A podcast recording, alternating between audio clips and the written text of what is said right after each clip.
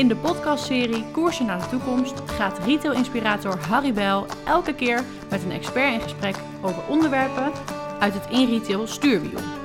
De kookwekker wordt gezet en na 20 minuten is het gesprek voorbij. Deze keer is het onderwerp identiteit en praat Harry met retail-expert Tom Kikkert over wat je als merk kan betekenen voor je klanten. Hey Tom, geweldig dat je meedoet. Welkom uh, in deze podcast. Ik ga het met jou hebben over identiteit. En ik heb het je van tevoren verteld. Uh, we beginnen altijd met een standaardvraag. En die vraag luidt: welke voorspelling deed jij ooit die uit is gekomen? Nou, leuk dat ik mag komen allereerst natuurlijk, of dat ik gast mag zijn. Uh, voorspelling vind ik wel een beetje lastig. maar wat wel interessant is, is zeven jaar geleden kwam ik tijdens mijn studie in aanraking met het woord identiteit. Um, en de grap was, in de wereld waarin ik werkte, dus de retail, um, was dat eigenlijk nog niet een woord wat heel veel gebruikt werd. We hadden het wel over positionering, we hadden het over concept, we hadden het over inrichting, vormgeving. Imago werd wel vaak gebruikt, maar het begrip identiteit was er eigenlijk niet. Uh, daar was ik aan het begin zelf ook heel zenuwachtig over. Dus als ik een ander erover vertelde, dan klonk het vaak heel zweverig. Of mensen keken je aan van, joh, uh, wij zijn meer van de inkoop, verkoop, marges. En uh, identiteit was niet een heel rot begrip. Maar je merkt in de loop der jaren is het, ja, zijn steeds meer mensen ermee bezig. En ontdek ik ook steeds meer mensen die er al langer mee bezig zijn. Dus het, het is een sluimerend onderwerp geweest. Ja, en als jij in de kern zou moeten uitleggen, zeg maar, wat betekent identiteit? Waar gaat dat over? Nou, heel veel bedrijven weten wel wat ze doen. Hè? Dus uh, voor welke prijzen producten willen verkopen, welke doelgroep ze willen bedienen, wat hun imago is, dus wat de buitenwereld van hun denkt. Mm -hmm. Maar als je vraagt van ja, waar staan we nog voor en welk verschil willen wij maken in de wereld? En uh, nou, wie zou er wat missen als wij er niet meer zouden zijn als bedrijf? Dan merk je toch wel dat het een stuk lastiger wordt. Want nou, waar wij tien jaar geleden vaak voor onze lokale of hardloopschoenen bij een lokale winkel moesten kopen, kunnen wij tegenwoordig 40 aanbieders vinden die het binnen een dag aan ons kunnen geven. Dus de vraag wordt steeds essentiëler. Ja, wat is de overtuiging nog van jouw bedrijf? En wat is de, het grotere doel waar je als bedrijf naartoe streeft? Ja, en dat stukje is voor mij identiteit. En daar heb je heel veel modellen voor. Maar hoe minder modellen je nodig hebt uh, om het te verhoren, hoe beter het eigenlijk is. Je ziet steeds vaker hè, dat het niet alleen om product gaat, maar ook een bedrijf wat die producten of diensten levert. Hè. Welke reputatie heeft dat bedrijf? Wat is daarvan belang? Hoe zie jij dat? Nou, we zitten hier letterlijk in een bioscoopzaal voorin, eh, met allemaal hele mooie bioscoopstoelen. En wat mij zo fascineert aan deze ruimte is dat mensen hier letterlijk met lege handen naar binnen komen en lege handen weer naar buiten gaan. En uh, dat leert eigenlijk dat de belangrijkste dingen in het leven van mensen helemaal geen spullen zijn.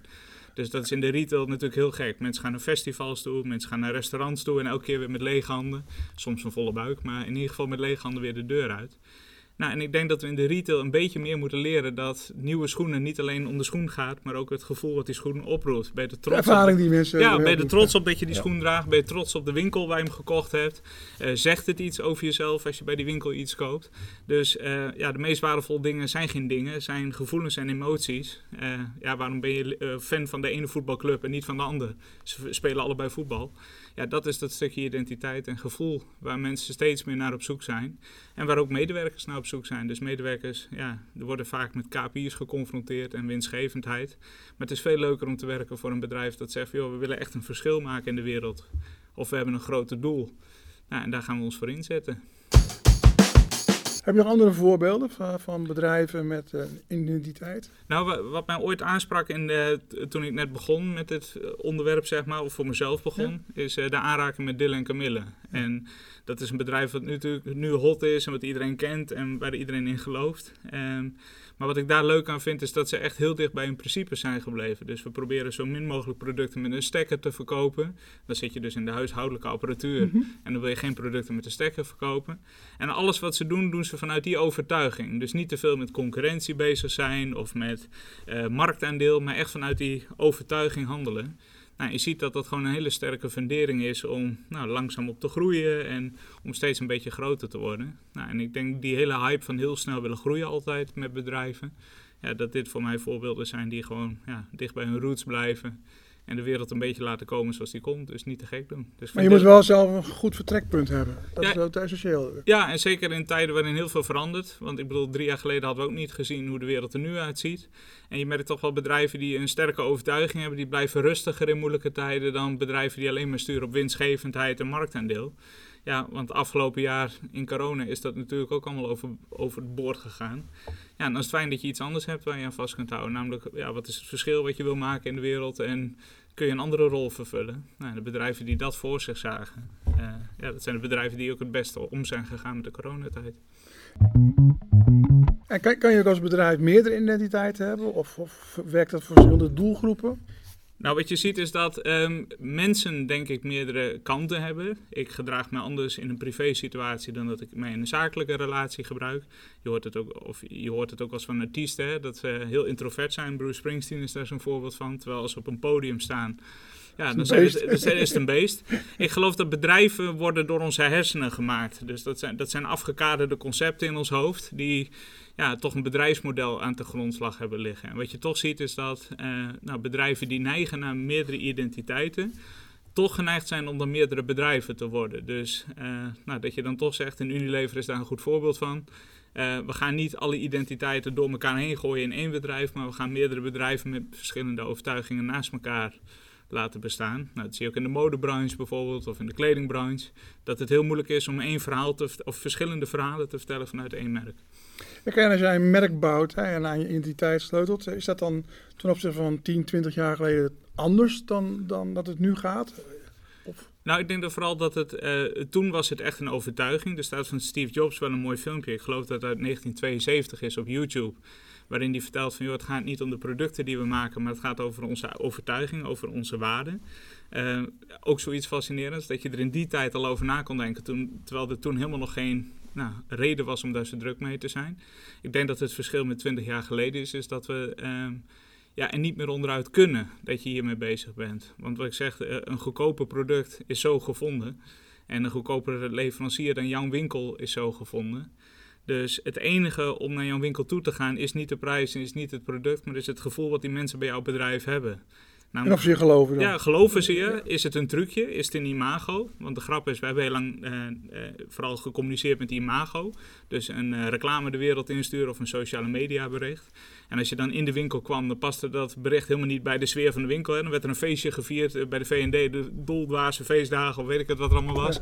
Ja. Ehm, en dan kwam je in de winkel en dan was het één grote saaie bedoeling. Kijk, het moet wel... Ja, gelijk zijn. Dus de ervaring in het bedrijf moet gelijk zijn aan hetgeen wat je met de buitenwereld communiceert. En dat wordt steeds belangrijk.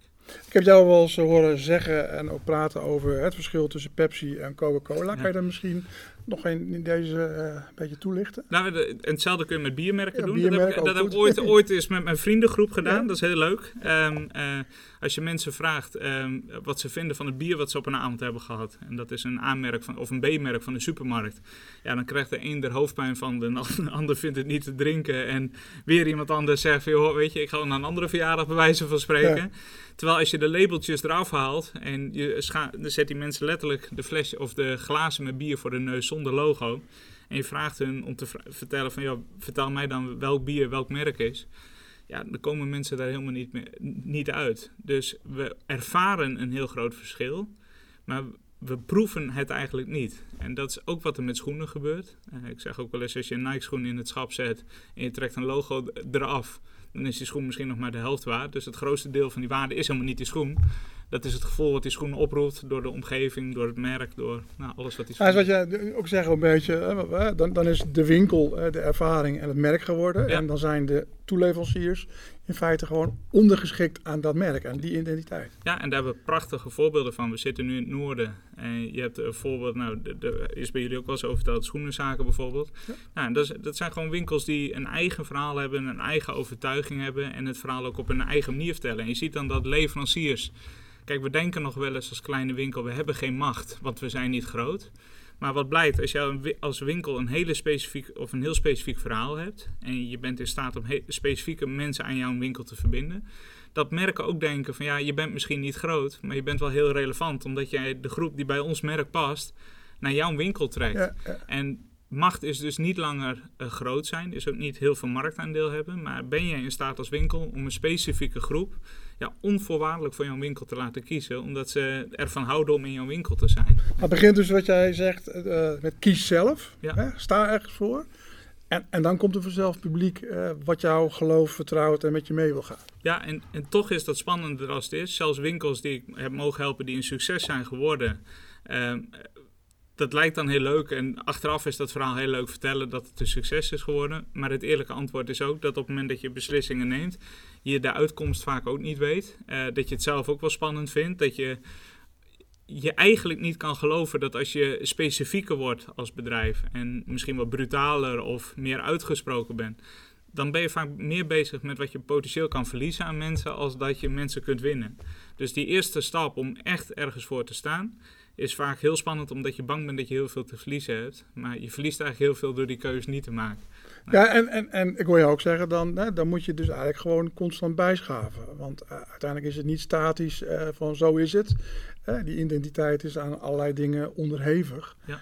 Dus, dus, mensen hebben een andere perceptie. Nu, wat, wat betekent dat met corona bijvoorbeeld in die periode? Nou, merken? nou, zelfs grote merken waar ik kom, die hebben eigenlijk geen idee. Dus we denken altijd, hè, wij als klein winkel weten, weten niet hoe het zit, maar die grote merken weten het allemaal precies. Het eerlijke antwoord is, die hebben eigenlijk ook geen idee. Dus die, wat, je, wat je eigenlijk moet doen is, kun je een risicootje nemen waarvan je de gevolgen kan overzien. Dus kun je kleine stapjes in je winkel zetten en denk van, nou, weet je, ik ga het toch eens proberen. Ik ga toch eens een bord buiten zetten met een tekst die een beetje spannend is en schreeuwerig is. En ik ga gewoon eens kijken hoe mensen daarop reageren. En uh, je zult zien dat soms mensen eromheen lopen en denken van joh, die winkel is de weg kwijt. En andere keer mensen in een deuk bij het bord liggen of het juist heel grappig vinden. Dus je moet het risico zo klein maken dat je bereid bent om het risico te lopen. Want als jij ja, een soort concept gaat uitwerken die van jou vraagt als bedrijf dat je tonnen gaat investeren en dat je heel, hele ziel en zaligheid op het spel gaat zetten, ja, dat gaat toch niet gebeuren. Dus ik zeg altijd, bedenk vier kleine experimenten en gaan ze de aankomende week gewoon eens proberen en kijken hoe mensen erop reageren. Is dat hoe je toetst, zeg maar, of je op de goede weg bent? Ja, uh, ik deed dat nog wel eens aan de hand van onderzoeken. En nou, jij kent ze net zo goed als ik. Er zijn heel veel methoden om je doelgroepen te onderzoeken. Ja. En de, de, de, grap is, met terugwerkende kracht is dat heel fijn. Dus het bevestigt vaak de dingen die je in het verleden gedaan hebt. Maar het is heel moeilijk om daar bovenop creatief te zijn. Omdat je vaak vanuit een groep gaat redeneren in plaats van vanuit jezelf. En als je iets doet wat heel dicht bij jezelf ligt, is het heel makkelijk om vernieuwend te zijn. Omdat je daar, ja, als je humor hebt de hele dag dan is het niet zo moeilijk om elke dag een grap te gaan verzinnen. Terwijl als je je gaat verplaatsen in een ander, is het heel moeilijk om daar elke dag iets voor te verzinnen. Ja.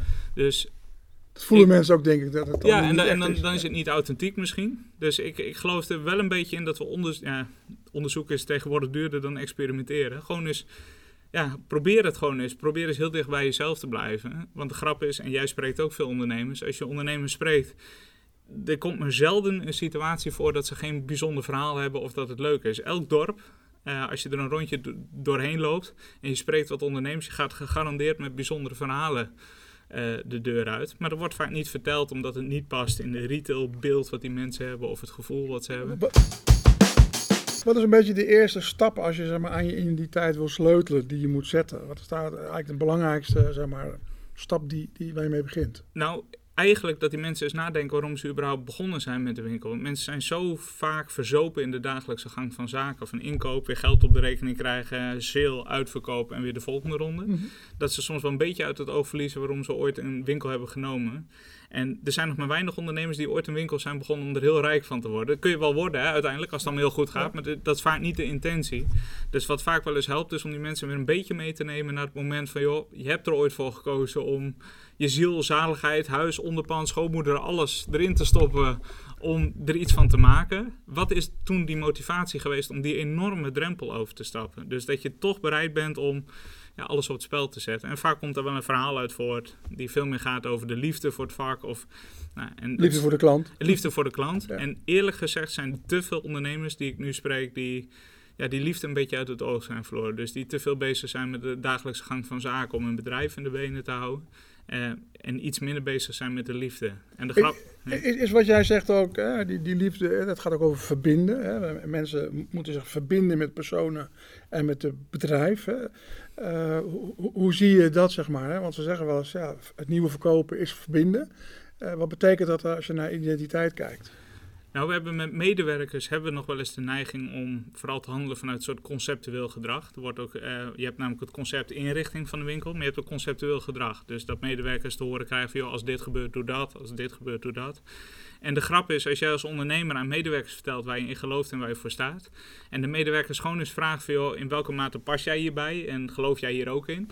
Uh, en medewerkers gewoon zelf na laten denken over het gedrag wat erbij past of niet. Of wa waarom ze er zelf bij passen dat het veel beter is als medewerkers zich autonoom uh, kunnen opstellen. En dat ze gewoon hun persoonlijkheid in het spel kunnen gooien. In plaats van al die trucjes die in hun achterhoofd zitten over een openingszin, over een gesprek. Want hoe meer het jou lukt om die medewerker en die uh, uh, klant of gast in het bedrijf ja, enthousiast te maken over jouw bedrijf. En hoe meer die twee een klik hebben, hoe minder verkoop nog aan de orde is, denk ik. Omdat mensen dan... Maar wat je zegt is ook zo dat identiteit ook alles zegt over de, de, de leiderschapsstijl die je dan hanteert. Hè? Ja. Durf je los te laten. Uiteindelijk geef je richting en moet je keuzes maken. Hè? Als ondernemer, daar begon je mee. Ja. Je kiest zelf van, nou, dit is de ervaring die we mee willen geven aan de klant. En wat je nu zegt is dan, het hoe moet je eigenlijk met je team doen. Ja, en laat ze dat ook zelf bedenken. En Heb je daar voorbeelden van? Nou, een leuk voorbeeld is, nou, de winkel waar het voor mij ooit begonnen is, is de jongens in Hoogveen. Hm? Uh, die jongens die staan echt, uh, en dat was al voordat ze die winkel hadden, als je daar kwam lag je in ieder geval op de grond van het scheuren van het lachen. Uh, heel veel zouden het onprofessioneel noemen, maar het, het is gewoon wie zij zijn. En wat zij dus zoeken in personeel is niet de beste verkoper, maar is een nieuwe vriend. Gewoon iemand die het ook leuk vindt om te zeuren en te ahoeren. En dat verkopen, dat komt later wel. Dus zoek iemand die, waar je gewoon energie van krijgt als je ermee in gesprek bent. Dan ga niet op zoek naar iemand die uh, bewezen goed kan verkopen of uh, die bepaalde targets heel fijn vindt. Of, dat zijn niet de mensen die je zoekt. Je moet gewoon mensen zoeken die ja, gewoon lekker gaan op de vibe van jouw bedrijf eh, en van jou als persoon, waar je zelf lekker bij voelt en dan gewoon het gevecht een beetje aangaan. Dus een, een sterke identiteit hangt heel erg af van leiderschap, zeg maar, stijlen en ook de, de samenstelling van het team. Ja, absoluut. Dat is eigenlijk maken zij hè, met elkaar ja. ook het merk uh, en, en de identiteit. Ja, en wat ik eigenlijk altijd doe binnen ook vooral grotere bedrijven is medewerkers vragen, weet jij waar je bedrijf voor staat?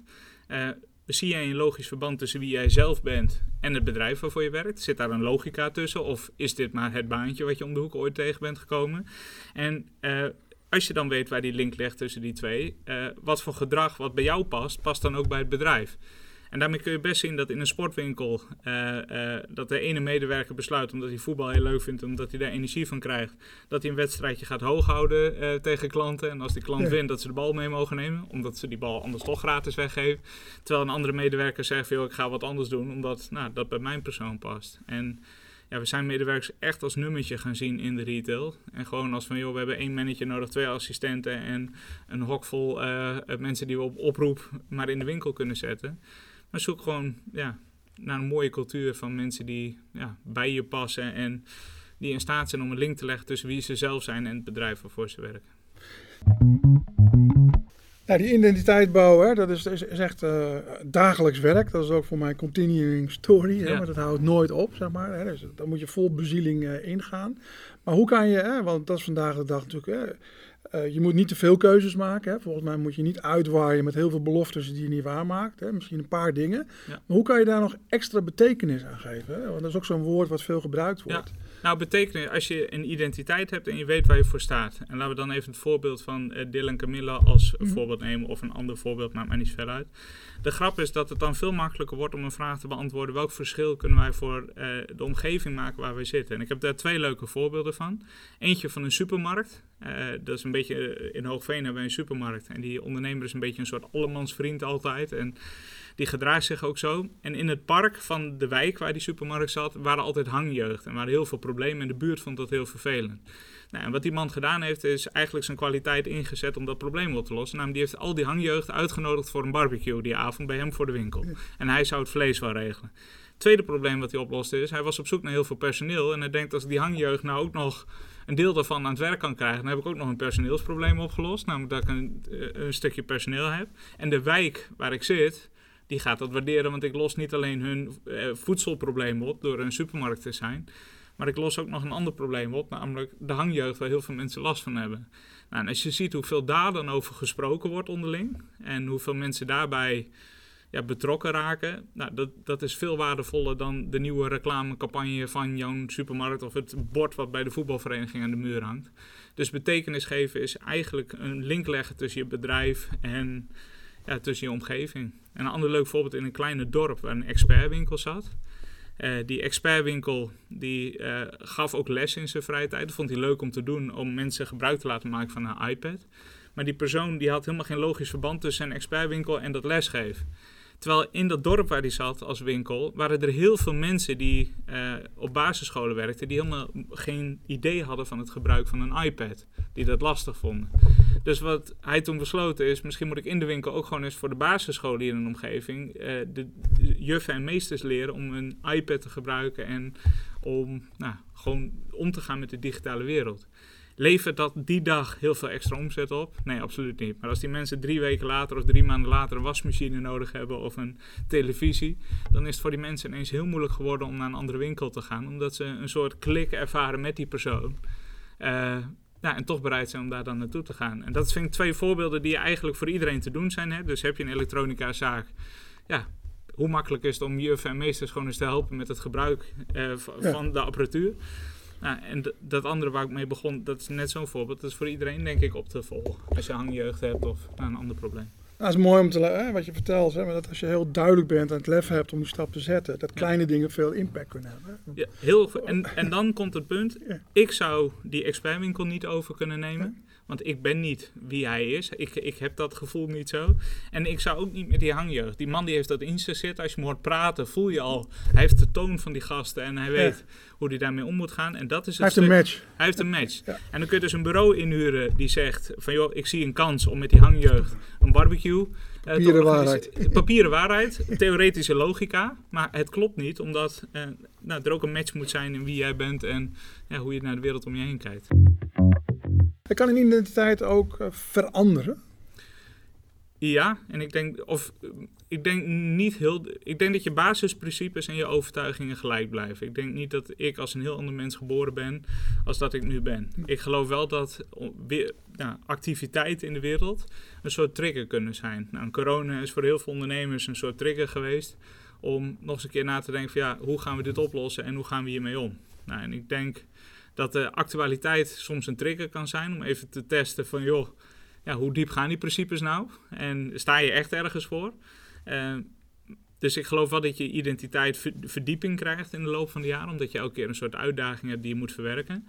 Maar ik geloof niet dat die wezenlijk verandert. Dus is er nog iets als een hulpmiddel? Ik heb jou eens over persona's horen praten, waar je als je zeg maar, een paar dingen van jezelf uh, weet en wil zijn, hoe je daar hulp bij kan hebben op wie je kan richten? Nou, ik, ik vind zelf vind ik een hele. Je hebt heel veel theorieën over de identiteit, maar ik vind zelf archetype heel interessant. Ja. Uh, waarom? Omdat het tijdloos is. Want het is in, ik dacht in 1912 alles beschreven door uh, Carl Jung. Dat is een ja. nou, man die toen als gek werd verklaard.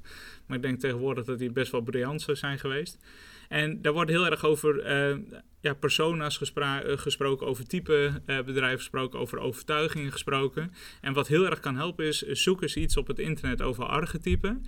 En toets dat nou gewoon eens aan je eigen gevoel. Welk van die archetypen voel je, je iets bij? Of bij, ja, krijg je energie van? Of denk je van, hé, hey, daar herken ik wel dingen van mezelf in. En, vaak, en wat ik vaak zeg is, nodig is een, een groep vrienden uit in je bedrijf.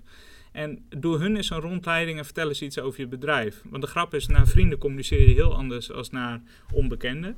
En de vrienden uh, lieg je niet tegen, die bedrieg je niet. Maar je vertelt ze vaak wel... En ze liegen ook niet tegen jou. En ze liegen niet tegen jou, maar ze, vaak ben je wel meer geneigd om tegen hun het, je echte overtuiging te delen. Dus, dus een tip is ook van, doe dat met je beste klanten. Doe je dat met je beste klanten of met de mensen die dichtstbij je staan. Nodig ze een keer uit in het Of die nooit weer kopen en ja, weer weggaan. Precies, en, en nodig ze uit en ga dat gesprek gewoon eens aan. Want ja, dat zijn de mensen waar je vaak het eerlijkst tegen bent. En nou, die eh, diep van binnen eigenlijk al voor jou hebben gekozen. Of als vriend of als uh, klant. Hey Tom, ik kan nog uren met je doorgaan, maar ik heb nog twee vragen, want ja. gezien de tijd zijn we er al doorheen.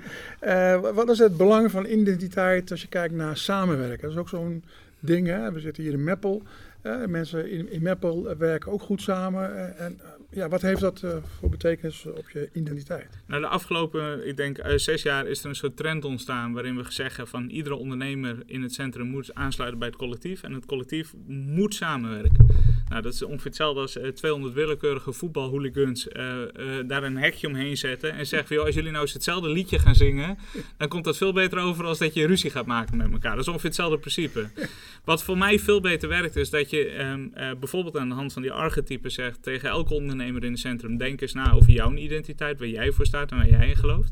En zet nou eens de ondernemers die ongeveer dezelfde opvatting hebben, gewoon eens bij elkaar aan tafel. Dus we hebben een leuk voorbeeld in uh, bijvoorbeeld, waarin een, uh, zeven willekeurige ondernemers allemaal bezig zijn met een bepaalde vorm van uh, maatschappelijk, maatschappelijke betrokkenheid. Ze willen dat ook graag doen, ze geloven daarin. Iets teruggeven aan, uh, aan de omgeving. De grap is, als je die zeven mensen bij elkaar aan tafel zet, de kans dat daar 1 plus 1 3 is, is veel groter dan dat je die persoon Mooi. bij die klassieke ondernemers zet. Want die zeggen allemaal, ja, jij met je maatschappij, wij moeten geld verdienen. Dus uh, nou, de minderheden worden vaak een beetje onderdrukt door het collectief in een centrum. Dus ik geloof dat je weer op minderheden moet sturen. Gewoon dat minderheden met dezelfde identiteit tot een veel beter idee komen dan een collectief. Want een collectief komt vaak niet verder dan een succes uit een ander gebied. Of iets wat ze al 30 jaar doen, namelijk de Sinterklaasintocht, uh, de lichtjesparade en nog een paar van die dingen. Nou, dus stuur als collectief heel erg op kleinere groepjes die qua identiteit bij elkaar passen. En stimuleer die om een grotere beweging in gang te zetten. En dan heb ik echt de allerlaatste vraag. Uh, hoe zie jij de wereld over drie tot vijf jaar? Zeg maar? Nou, ik, ik, denk dat het hele klassieke retailen, uh, 90% van de retailers is heel goed in het inkopen verkopen. Als wij met die ondernemers om tafel gaan zitten en we gaan een potje onderhandelen, gaan we het waarschijnlijk afleggen. Want die mensen hebben dat in hun bloed zitten, een handeltje hier, een dingetje daar. Maar die harde kant, denk dat langzaam plaats gaat maken voor die gevoelskant en die zachtere kant. Namelijk ja, overtuigingen, principes, ja, uh, waarden. nou, wat ik zei, we zitten in de bioscoop, maar dat had ook een pretpark kunnen zijn waarin waar je met lege handen weer naar buiten gaat. Het had ook een theater kunnen zijn. Het, had een, het gaat steeds meer om de economie van ja, onze hersenen, denk ik. De economie van gevoelens en ervaringen. En steeds minder om spullen. En ik denk dat dat in de retail ja, langzaam een beetje ja, een terrein gaat winnen. En dat grote merken er al wat langer mee bezig zijn om die kant op te gaan. Uh, en dat het ook een ander probleem oplevert, namelijk dat we, of oplost, omdat we natuurlijk geneigd zijn om heel erg geld te verdienen met producten. Maar hoe gaaf zou het zijn als we geld met ervaringen gaan verdienen? Dus dat mensen in plaats van 20 paar schoenen drie paar schoenen hebben. Met drie paar schoenen waar ze meer voor betaald hebben, omdat ze er meer gevoel bij hebben en meer overtuiging. Dus het gaat iets meer van de harde kant naar de zachte kant. En duurzamer. En, en, duurzamer ja. en eerlijker en transparanter. Dus ja, alles wel een beetje wat al vaker gezegd is, denk ik. Mag ik jou danken? Heel graag, vond het leuk. Okay. Dankjewel. Zelf.